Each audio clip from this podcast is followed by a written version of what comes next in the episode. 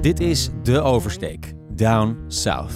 De eerste oversteek ging over zaken doen in de Verenigde Staten. praat nooit over politiek. Je doet gewoon wat je opgedragen wordt en je treedt er niet buiten. Maar er is in de tussentijd wel wat veranderd. I'm excited to announce that we're moving our headquarters to Austin, Texas. Elon Musk maakte move, Oracle deed het ook, Dropbox deed het. Heel veel Amerikaanse bedrijven verhuizen naar het zuiden van de VS. Het lijkt een ware exodus. En waarom? Ondernemend Amerika is toe aan een nieuwe plek. Een plek van vrijheid, een nieuwe hub voor business. Om je een idee te geven als je vanaf Washington een streep trekt. Ja, nou, laat, ik, heb, ik kaart? heb hier toevallig Ja. een kaart voor me liggen, Ja, nou, inderdaad. probeer het maar. Trek die streep maar naar Ja. links.